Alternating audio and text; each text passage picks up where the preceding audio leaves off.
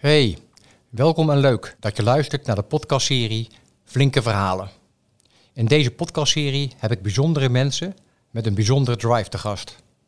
Mensen met de drive om deze wereld mooier, beter, eerlijker en gezonder te maken. En die daar ieder vanuit hun eigen professie, perspectief en verlangen hun rol en verantwoordelijkheid innemen. Mensen die met hun visie en praktijk een positieve invloed hebben op verandering. Wij gaan op zoek naar die verhalen die veranderingen succesvol maken. En dan specifiek in de zorgsector, waarin deze actualiteit veel dynamiek is. Mijn naam is Barry Popma van Flink Veranderen.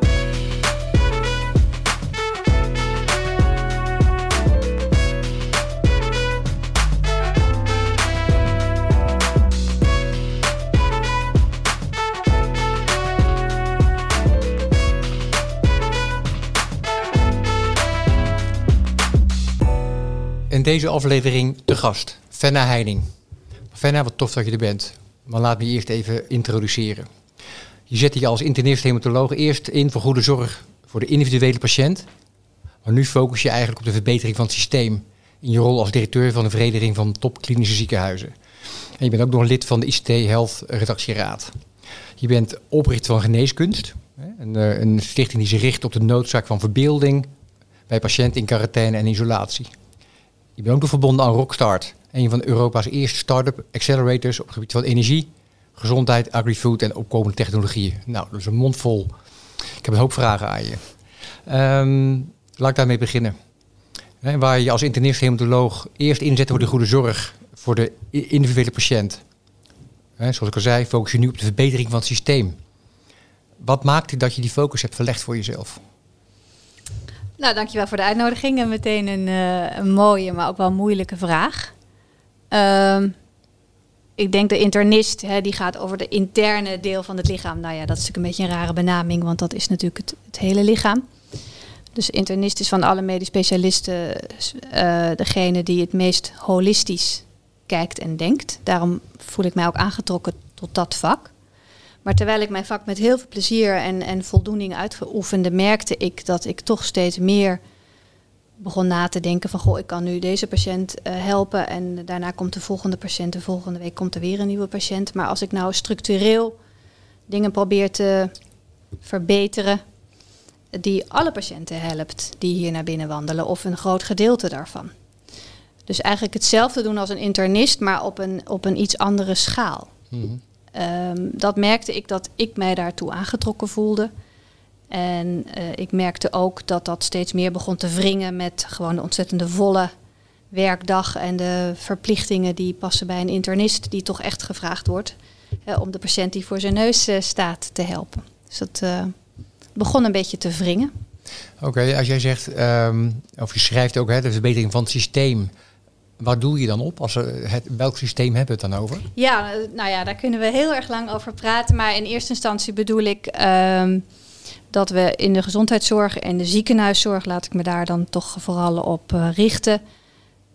Helaas, ondanks mooie woorden van patiënt centraal, um, erg vanuit het aanbod denken. Mm -hmm. Ik ben internist. Dus u bent van harte welkom om per fax u aan te melden, met de auto naar het parkeerterrein te rijden, in de wachtkamer plaats te vinden. Met een beetje geluk roep ik u op tijd binnen om 10 minuten in mijn fysieke spreekkamer te zitten.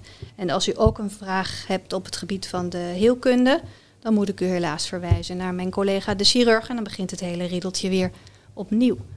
Terwijl van als, als patiënt of vanuit burger uh, denk je niet in aanbod heb ik buikpijn en hoort dat bij de internist of hoort dat bij de chirurg terecht. Je denkt, ik heb buikpijn, waar komt het door en hoe kom ik er vanaf? Ja. Dus meer vanuit de behoefte of de vraag redeneren. En ik denk in ons eigen leven, in ons thuisleven vinden we dat heel normaal. En het lijkt wel of we dat in de zorg, in de medisch specialistische zorg, juist een beetje hebben afgeleerd. Mm -hmm. Die vraag moet je niet stellen. Nee. He, en triage ook. Triageverpleegkundige is een ongelooflijk belangrijk vak, belangrijke rol, een moeilijke training. Als je, als je heel kritisch daarnaar kijkt, dan is degene wat die, wat die triagepersoon doet, niet kijken hoe kunnen we deze patiënt het beste helpen, maar moet ik deze patiënt verwijzen naar de chirurg of naar de uh, internist? Dat is voor de patiënt natuurlijk eigenlijk helemaal niet interessant. Nee, nou, wel mooi, want in mijn voorbereiding voor dit gesprek las ik ook dat je aansluiting gevonden hebt, uh, aansluiting gevonden hebt bij uh, Huber. Ja. Hè, positieve gezondheid. Ja. Die, die gaat eigenlijk nog een stukje verder dan alleen eh, ziekte, en, maar ook de omgeving, de maatschappij. Hoe functioneer je daarin? Tuurlijk, ja. Ehm, eh, je- bent ook nou, van mening dat innovatie rond e-health eh, kan bijdragen aan die positieve gezondheid. Ja, Als je dan kijkt naar e-health, eh, innovatie, wel, welbevinden en een cu- curatieve omgeving als een ziekenhuis. mhm. Hoe gaat dat samen voor jou? Ehm, is een beetje een suggestieve vraag. Ehm, we, we noemen natuurlijk het een ziekenhuis, ehm, terwijl het natuurlijk gezondheidszorg is. Hè, dus zorg voor gezondheid. Ehm, eh, ik denk dat het, we heel erg blij moeten zijn dat we de zegeningen van de curatieve zorg hebben. Hè, en in mijn vak eh, hematologie, waar ook veel kwaadaardige ziekten voorkomen, leukemie, lymfoom, ehm, heb je soms hè, een heel zwaar geneesmiddel zoals chemotherapie keihard nodig. En met chemotherapie overleven. Een hoop mensen, en zonder diezelfde chemotherapie waren ze allemaal overleden. Dus ik ben super dankbaar dat chemotherapie, wat misschien wel een van de meest curatieve ehm, medische behandelingen is die wij hebben. Dat gezegd hebbende, en dat is een beetje de implicatie die jij in je woorden al legt. Dat zorg voor gezondheid, zorg voor welbevinden, eh, aandacht voor wat je nog wel kan. Wel eens ver weg lijkt van ehm, wat wij nu doen in de curatieve zorg. Het hangt ook wel heel erg af van hoe je dat als individu, als patiënt beleeft, als naaste van de patiënt beleeft en als zorgverlener beleeft. Mhm. hè. En ik denk juist, eh, nogmaals terug naar die hematologiepatiënt die, die eh, bijvoorbeeld met leukemie echt hè, een maand tot twee maanden opgenomen ligt, bijvoorbeeld hè, in het kader van een eh, stamcelbehandeling. Dan is het heel dubbel, daarom is het vak ook zo mooi, vind ik. En heel erg veel aandacht voor de curatieve kant. Welke medicijnen, welke bijwerkingen, waar moet ik op letten? Dat is heel technisch. Maar tegelijkertijd ook, waarom zou die patiënt dit willen? Waarom is die patiënt bereid om deze verschrikkelijk zware behandeling te ondergaan? Omdat hij wil leven. En dan is de kwantiteit van leven, hè, langer leven, maar vooral ook hoe wil die leven? En die vragen die gaan hand in hand. En als het goed is, en die opdracht heb ik wel voor mezelf zo geformuleerd en naar beste weten, met vallen en opstaan uitgevoerd. Hoe kan ik voor mijn patiënten de kwantiteit en de kwaliteit optimaliseren? Ja, dus dat is als het goed is niet nieuw. Nee. Hè?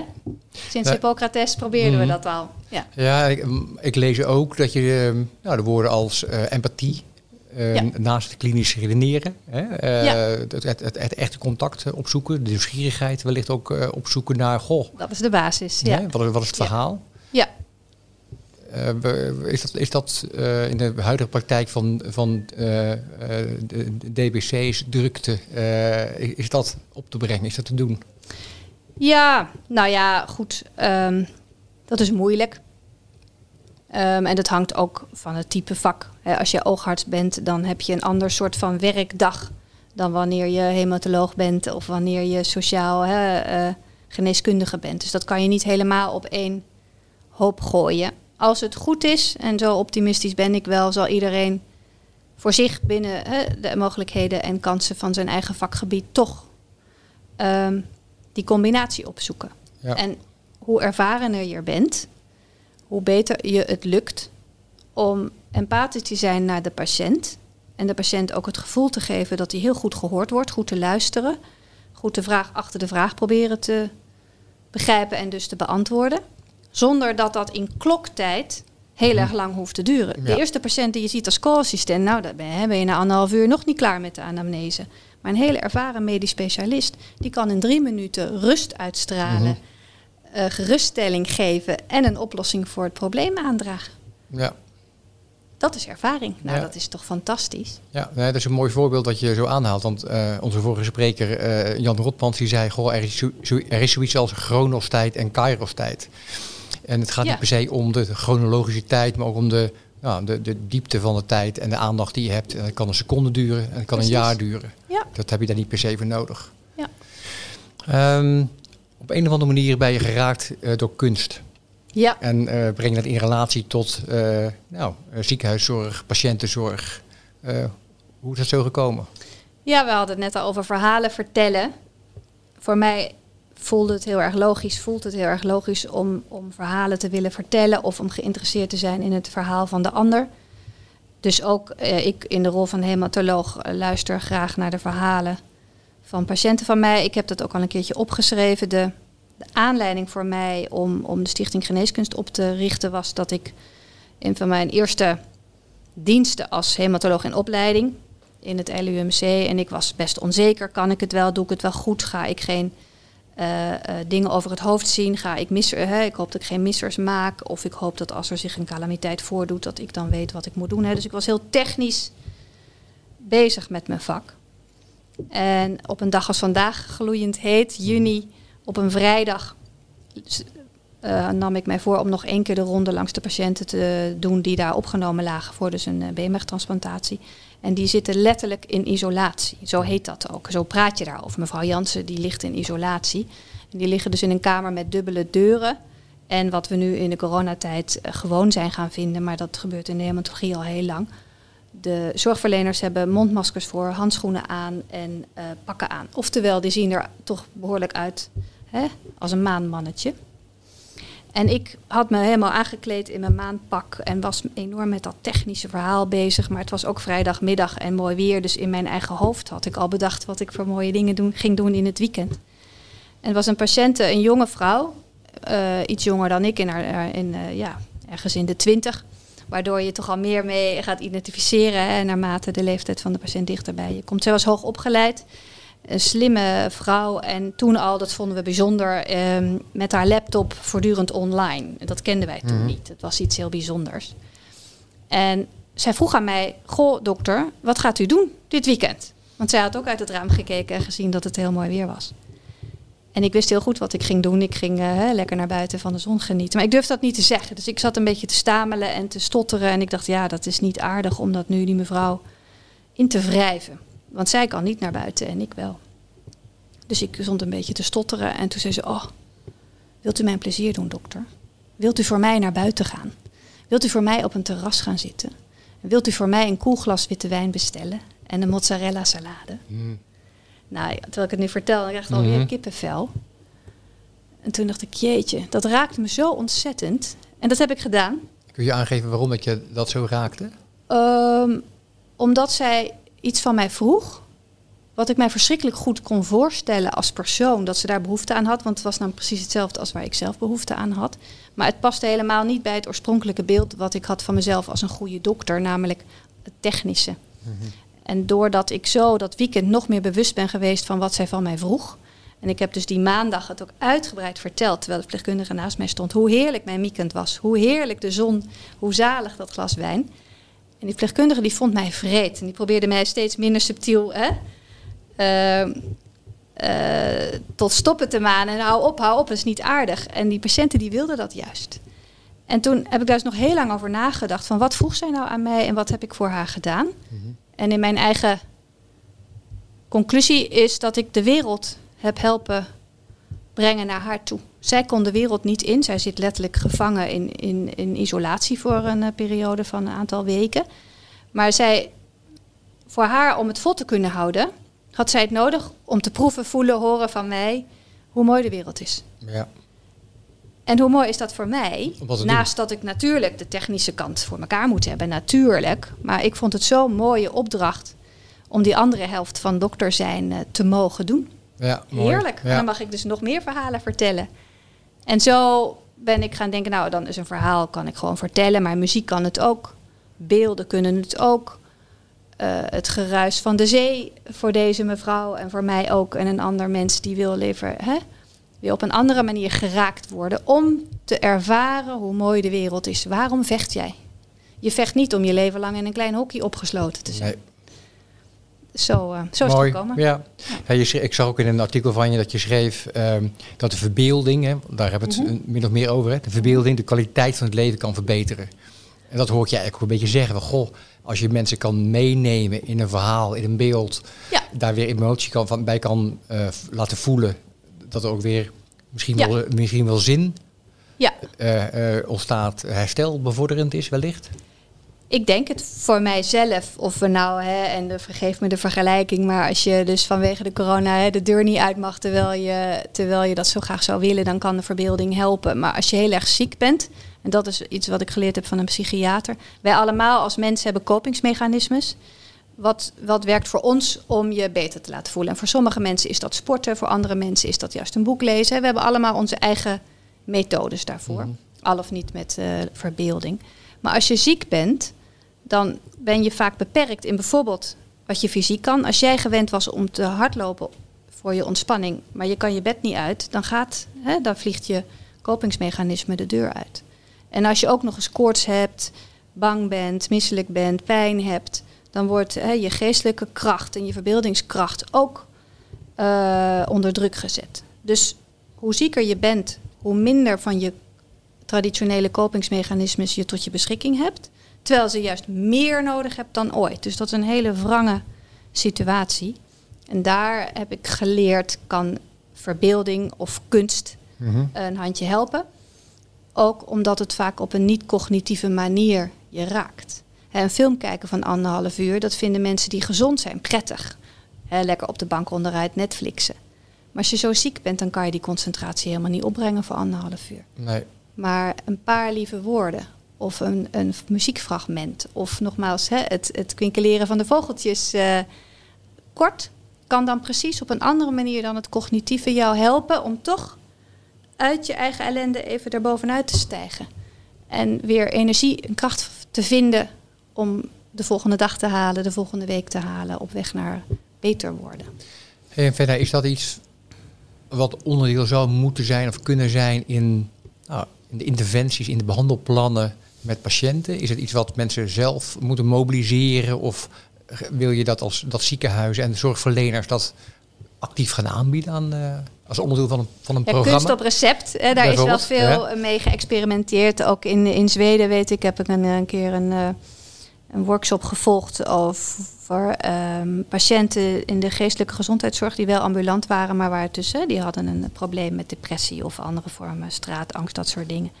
Die zijn ze mee gaan nemen naar uh, kunstbezoeken, mm -hmm. museabezoek, theaterbezoek. En dat werkt, blijkt fantastisch goed.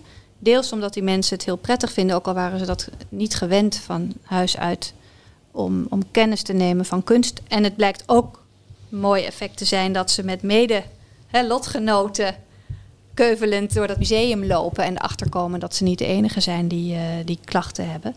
Ik, ik zou dat natuurlijk heel mooi vinden, maar ik denk dat je het ook veel kleiner kunt maken. Dat wij, zoals wij dit gesprek nu hebben, of wat je vertelde, hè, iets organiseren uh, met als thema liefde in de boardroom.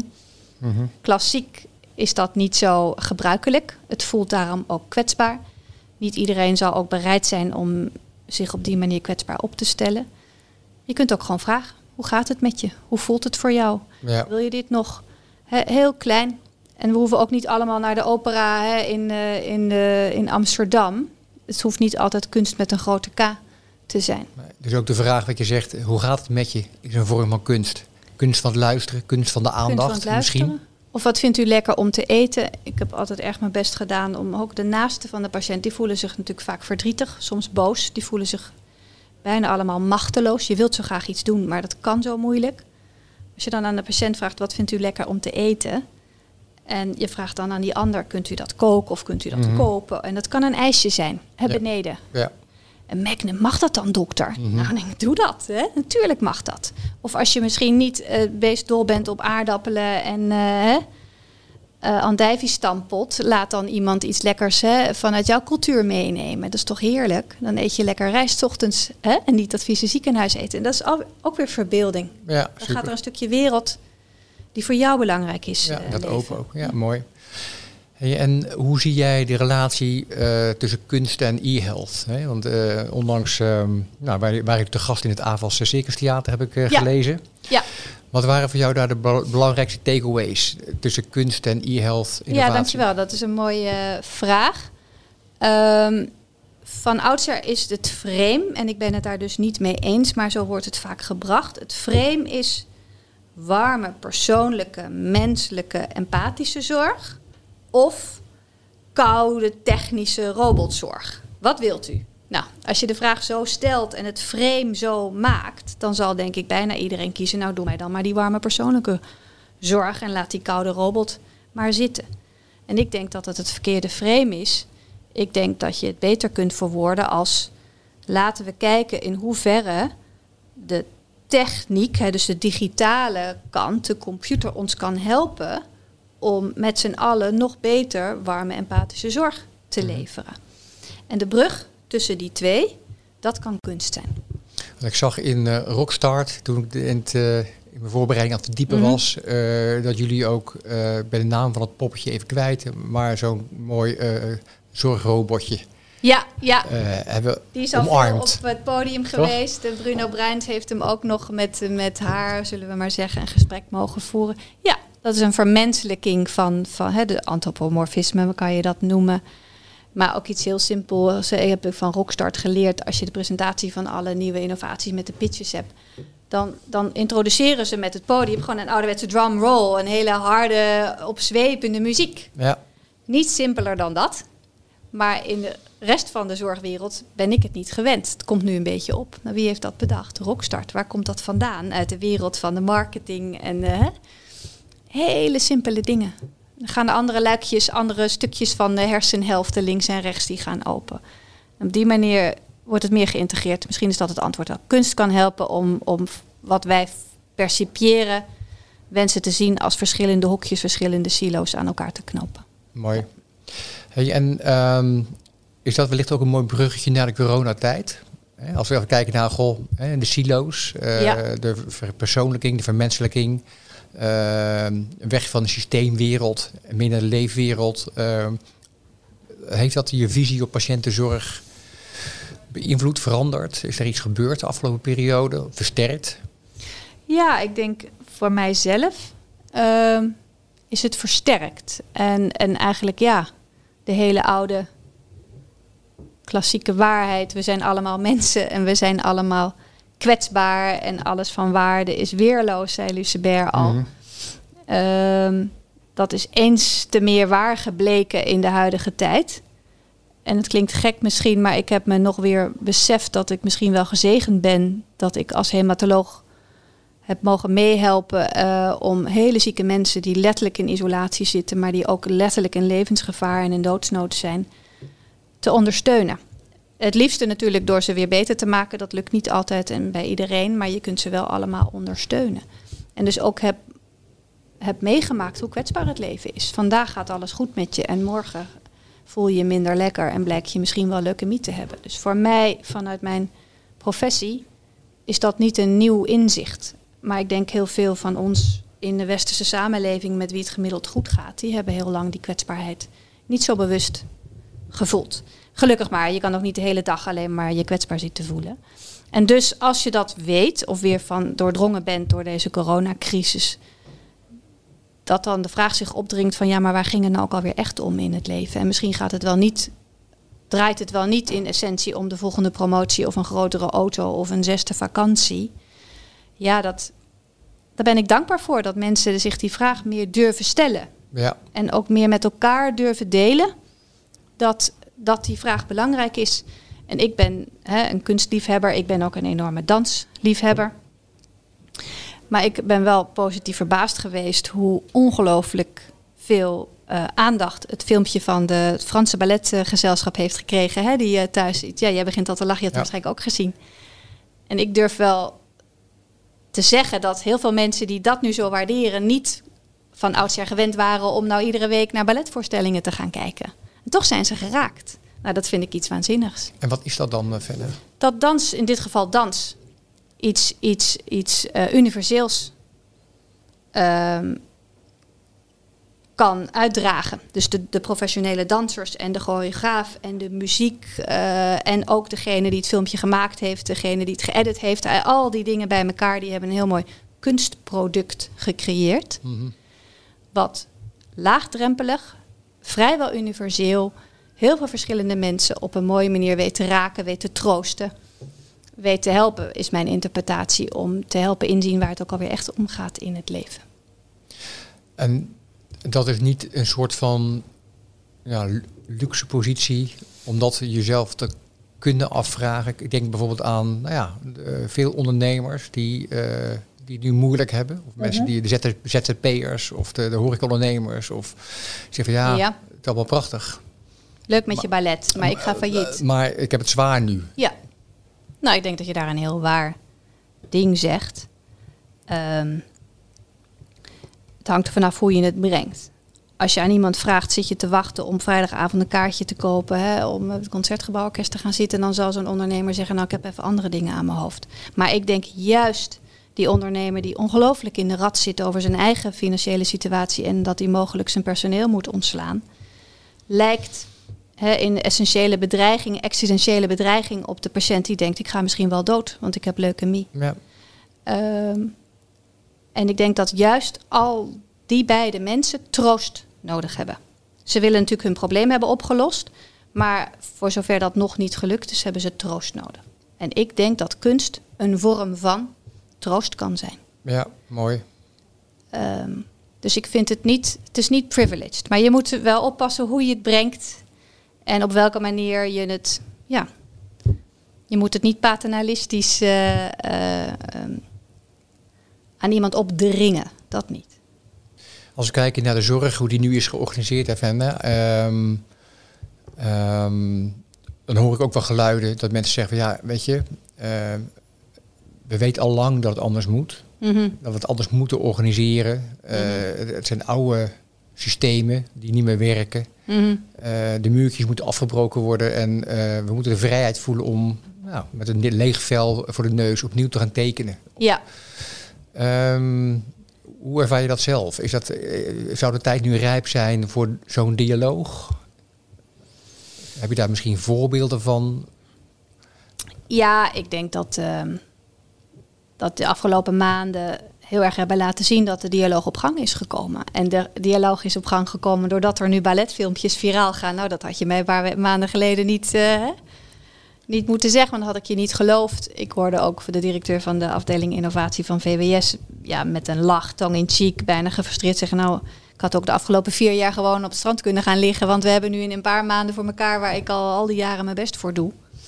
En dat is natuurlijk grappig bedoeld, maar ik denk dat dat niet waar is. Ik vergelijk het wel met een, uh, een huis bouwen. als er ergens in de wijk een nieuw huis wordt gebouwd, dan zie je echt voor je gevoel jarenlang één grote modderplas. En denk je, wat zijn ze er toch aan doen? En het schiet niet op. En zodra het dan boven de grond komt, ineens lijkt dan wel in een vloek en een zucht de zichtbare muren uh, heel snel gemetseld te worden. Dus ik denk dat we heel lang gezaaid hebben en dus ook gewerkt hebben aan digitale vormen van zorg, aan meer netwerkgeneeskunde. En dat nu ineens daar een versnelling in optreedt. Mensen aan elkaar durven zeggen, ik voelde me inderdaad ook al niet meer zo lekker in de oude manier. Ik vind het eigenlijk ook best lekker om vanaf huis te werken één dag in de week. Ja. Um, mensen hebben ervaren en daar ook zich kwetsbaar over durven opzeggen. Hè. Het AVL, Emiel Voest, heeft gezegd... wij dachten altijd, oncologiepatiënten, dat is zo'n specifieke tak van sport. Wij moeten alle mensen fysiek persoonlijk spreken. Dat blijkt niet waar. Dat was een aanname ja. die niet klopt. Wij denken dat bejaarden, hè, whatever that maybe, bejaarden, die willen ook niet uh, virtuele zorg ontvangen. Dat is een aanname die onjuist is gebleken.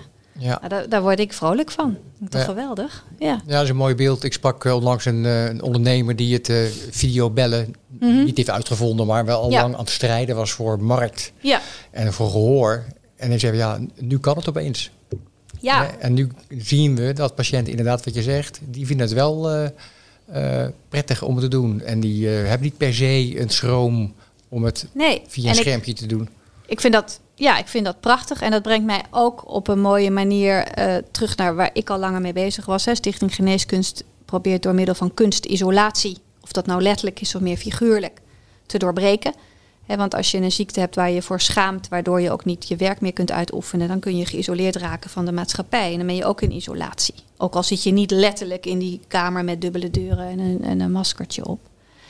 En isolatie en identiteit, of het gevoel van verlies van identiteit, liggen heel dicht bij elkaar. En zeker als je nu naar die coronatijd gaat kijken. Als ik als dokter ineens mag, moet videobellen met mijn patiënten en ik doe dat vanuit huis, heb ik geen witte jas aan.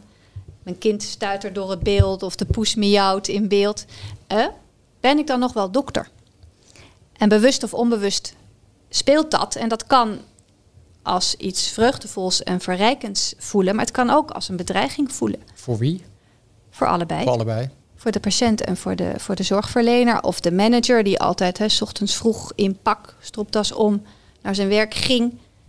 Die zit ineens op zolder met zijn joggingbroek. Is dat nog wel een manager? En is dat wel, nou, is wel een manager? In ieder geval is het weer een mens met een gezicht. Ja, is ik denk, natuurlijk. Ik mag voor jou hopen dat de essentie van jouw vak, van jouw professie, van jouw professionele identiteit niet in die das zit. Want dan heb je een probleem. Ja, Maar ik denk dat het wel belangrijk is om je te realiseren dat het heel menselijk is dat die vraag door je hoofd schiet. En de, het is nogal abstract. Wat maakt mij dan tot manager als het niet die das is? En als het niet het kantoor is en niet mijn visitekaartje en niet mijn corner office en niet en niet en niet. Oké, lange lijst van niet. Maar wat is het dan wel? ja. En dat zijn wezenlijke vragen. Ja, en dat is ontzettend moeilijk. Daar is ook niet het gouden antwoord op te geven. Daar zijn we denk ik ook nooit over uitgepraat. Maar dat die dialoog nu op gang komt, dat vind ik iets fantastisch. Ja. Welke hoop koester je daarin voor de toekomst? Dat we steeds meer aan elkaar durven laten zien dat we mens zijn. Dat we imperfect zijn. Ja, ik, eh, en hele uiterlijke dingen. eh, je hebt niet je pak aan. Er loopt nu een kind eh, door het beeld of ik verlies mijn geduld. Hè, en, eh, ehm, we- niemand van ons is, is perfect. Dat is ook een cliché. Maar om dat aan elkaar te durven laten zien. En die ander en ook vooral niet jezelf daarom te veroordelen. Dat is heel erg lastig. En daar kan kunst, verbeelding, even iets samen doen, ondergaan, naar muziek luisteren, naar een filmpje kijken. Waardoor je allebei boven je eigen mini-ecosysteempje wordt uitgetild, kan daarbij helpen. En als ik dan terugga naar jouw, een van jouw rollen, directeur van de STZ eh, Ja. ziekenhuizen. Ja, Eh, is dat een platform waar je nou, daar ruimte voor zou kunnen vinden? Nou die heb ik gezocht. En soms lukt dat en soms eh, probeer ik het en dan eh, stoot ik mijn neus. en dat hoort ook bij, eh, bij innoveren. Ehm, ik denk iets, iets een voorbeeld. een aantal jaar geleden heb ik, we hebben de drie pijlers bij de STZ Top Klinische Zorgopleiding en Wetenschap. Die heb ik niet bedacht. Die staan al 25 jaar en die staan als een huis. Ehm, maar de afgelopen jaren heb ik daar twee kernthema's, waarvan één innovatie is, naast gezet. En ik denk niet dat iemand op zal staan en zal zeggen, nou, ik ben tegen innovatie. Weg daarmee. Dat hoor je niet vaak mensen zeggen. Maar om daar werkelijk tijd, ruimte, geld eh, voor vrij te maken, dat is iets wat heeft moeten groeien. En innovatie voor de goede orde is vaak anno nu verbonden met techniek, met digitale mogelijkheden. Maar sociale innovatie, organisatorische innovatie is wat mij betreft even belangrijk. Dus ik heb het niet alleen maar over computers als ik het over innovatie heb. En ik ben wel dankbaar, en daar zitten ook wel inderdaad periodes van neusstoten eh, bij.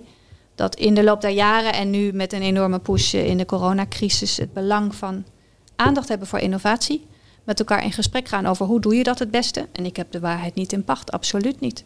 Maar als we daar elkaar over bevragen, dan komen we verder. En als je het overlaat aan iemand die iets heeft met innovatie en die ook wel eens een app gebruikt, ja, dan gaat het in ieder geval niet goed komen. Nee. En daar komt weer terug wat je in het begin zei eh, over nieuwsgierigheid. Hè? Hoe gaat het met je? Eh, niet alleen maar kijken naar de, de status van mensen, maar gewoon Ja. durf te vragen, durf daar Ja. kwetsbaar in te zijn. Ja.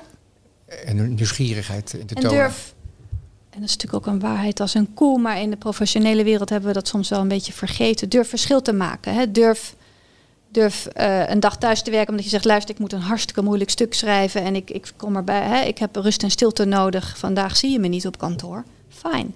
Maar morgen hebben we misschien met elkaar een teamoverleg. En dan is het juist belangrijk om liefst, mag nu niet, maar fysiek bij elkaar te komen. Hè? En er staat nergens geschreven dat je altijd in diezelfde kantoortuin tuin moest zitten. Er staat ook nergens geschreven dat we van nu alleen maar, alleen maar digitale zorg leveren. Daar ben ik ook de laatste die dat zou willen bepleiten. Hè?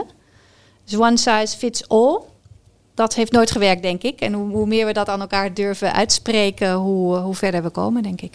Het klinkt ook een beetje als dat je zegt ehm, eh, naar de individuele professionals toe. ehm, spreek je uit. eh, wees Ja. niet al te braaf in de, in de bestaande structuren. Ja, dat is wel Mag, mooi. mag ik hem zo? Zeker durven. Een health rebel heeft eh, Helen Bevan, dat is een eh, bekende innovator, transformation officer van de NHS in Engeland. Ja, durf een health rebel te zijn. En ook als je helemaal niet in de zorg werkt, durf een beetje rebels te zijn. En soms moeten dingen gewoon, dan heb je even geen zin, het moet toch. Zo is het ook. Hè? Tuurlijk. Ja, dan, dan ga je mee met de, met de stroom. Ja. Maar soms moet je ook tegen de stroom Ja. in eh, durven zwemmen. Ja, en dat kan eenzaam zijn. En dan kan het heel erg troostend zijn. En ik denk als leidinggevende eh, is het belangrijk of als, als strateeg die hè, een bepaalde verandering met een bepaalde organisatie probeert te bereiken om de, om de Hells Rebels bij elkaar te zetten. En te zeggen, goh, je voelt je hè, van lone wolf. Mhm. Per definitie voelt zich alleen. Ben ik dan de enige op deze afdeling die zo denkt? Misschien wel. Maar op die andere afdeling zit ook een lone wolf. En als ik ze bij elkaar zet, dan hebben we een clubje. Ehm, en dan, dan komt er positieve energie vrij.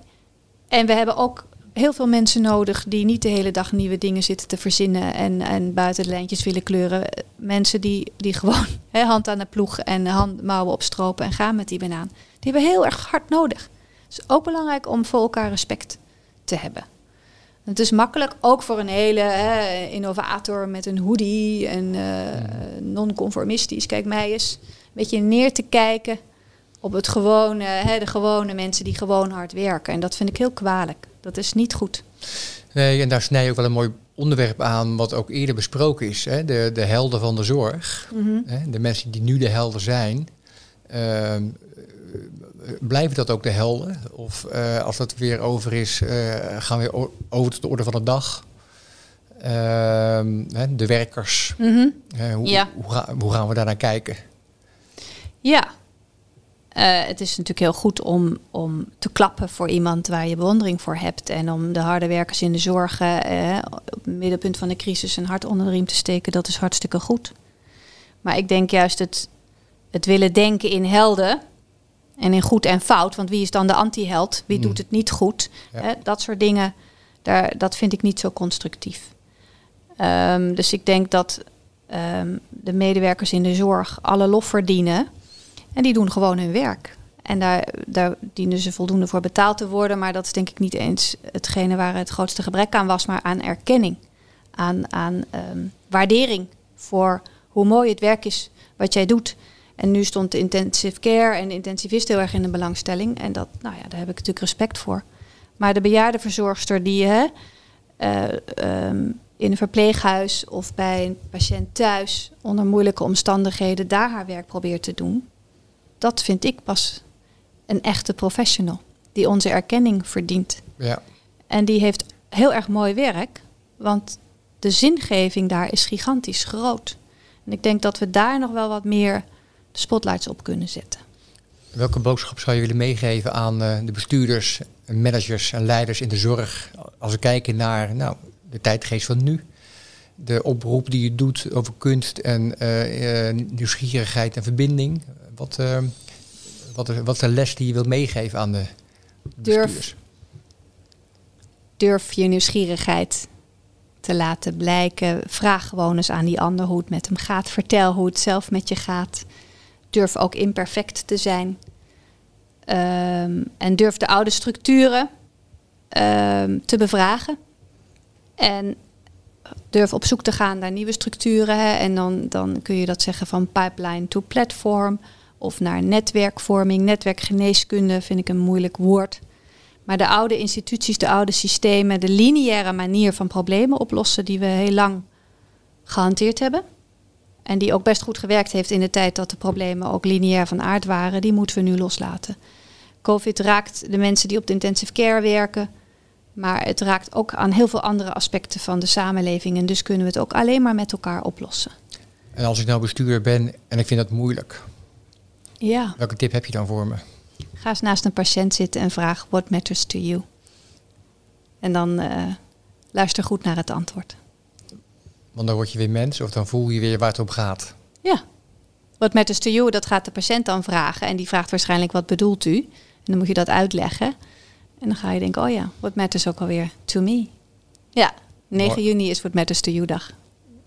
En wat betekent dat precies? We gaan het dus uit Engels vertaald. De klassieke zorgvraag in de Engelse sprekende landen is: What is the matter with you? Waar komt u voor? Buikpijn, hoofdpijn. Maar het is mooier en het laat zich moeilijk vertalen in het Nederlands om net een andere vraag te stellen. What matters to you?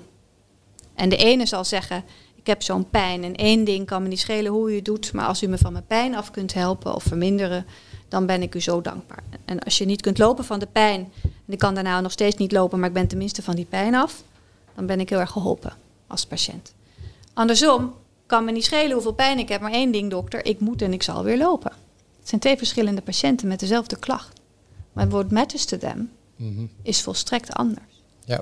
En wij doen heel veel aannames over die ander of mensen die ongeneeslijk ziek zijn. We zijn bang dat als we de vraag stellen, what matters to you, dat die patiënt gaat zeggen, maakt, maakt u mij beter alstublieft. Maar jij weet al, als zorgverlener, ik kan u niet beter maken. En dan hebben we onbewust de neiging om dan maar die hele vraag niet te stellen, want we willen hè, niet degene zijn die het verkeerde antwoord moet geven. Een mooi voorbeeld op de What Matters to You eh, website is dat een mevrouw ongeneeslijk ziek was, die lag op haar bed en die zei: Ik wil zo graag nog ehm, eh, muziek horen. En toen is iemand dus gekomen en die heeft een muziekstuk gespeeld. Heel vaak hebben mensen verlangens en behoeftes waar we ontzettend goed aan kunnen voldoen. ja. Je zei eerder, dat zijn ook de kleine dingen die Ja. het hem die Dat is doen. ongebruikelijk, maar dan doen we dat toch? Ja. Natuurlijk gaan we voor u muziek regelen of een mango eten of u naar buiten brengen. En die patiënt weet vaak veel beter dan wij wat er echt kan en wat er niet kan. ja, En er zijn heel weinig patiënten die het onmogelijke vragen. mooi. En je doet eigenlijk een oproep aan, eh, houd klein, houd bij Ja. jezelf, eh, ga de verbinding aan Ja, eh, en luister. ja dat En, zeg je mooi. Geen grote systemen per se, terug naar de allereerste vraag, maar eigenlijk gewoon ik Ja, in relatie tot jou. Groot denken, hè, think big, start small of act small heb ik laatst eh, geleerd dat nog beter is. Ja, het is Ja. de combinatie. Mooi. Ja. Nou, ik ga je danken, Fenna, voor het Dankjewel. mooie gesprek. Ook, ook weer een gesprek waar ik eh, nog lang over door kan, zou kunnen praten, maar de tijd zit er voor nu eventjes op, Fenna. Ehm, nou, ik dank je wel.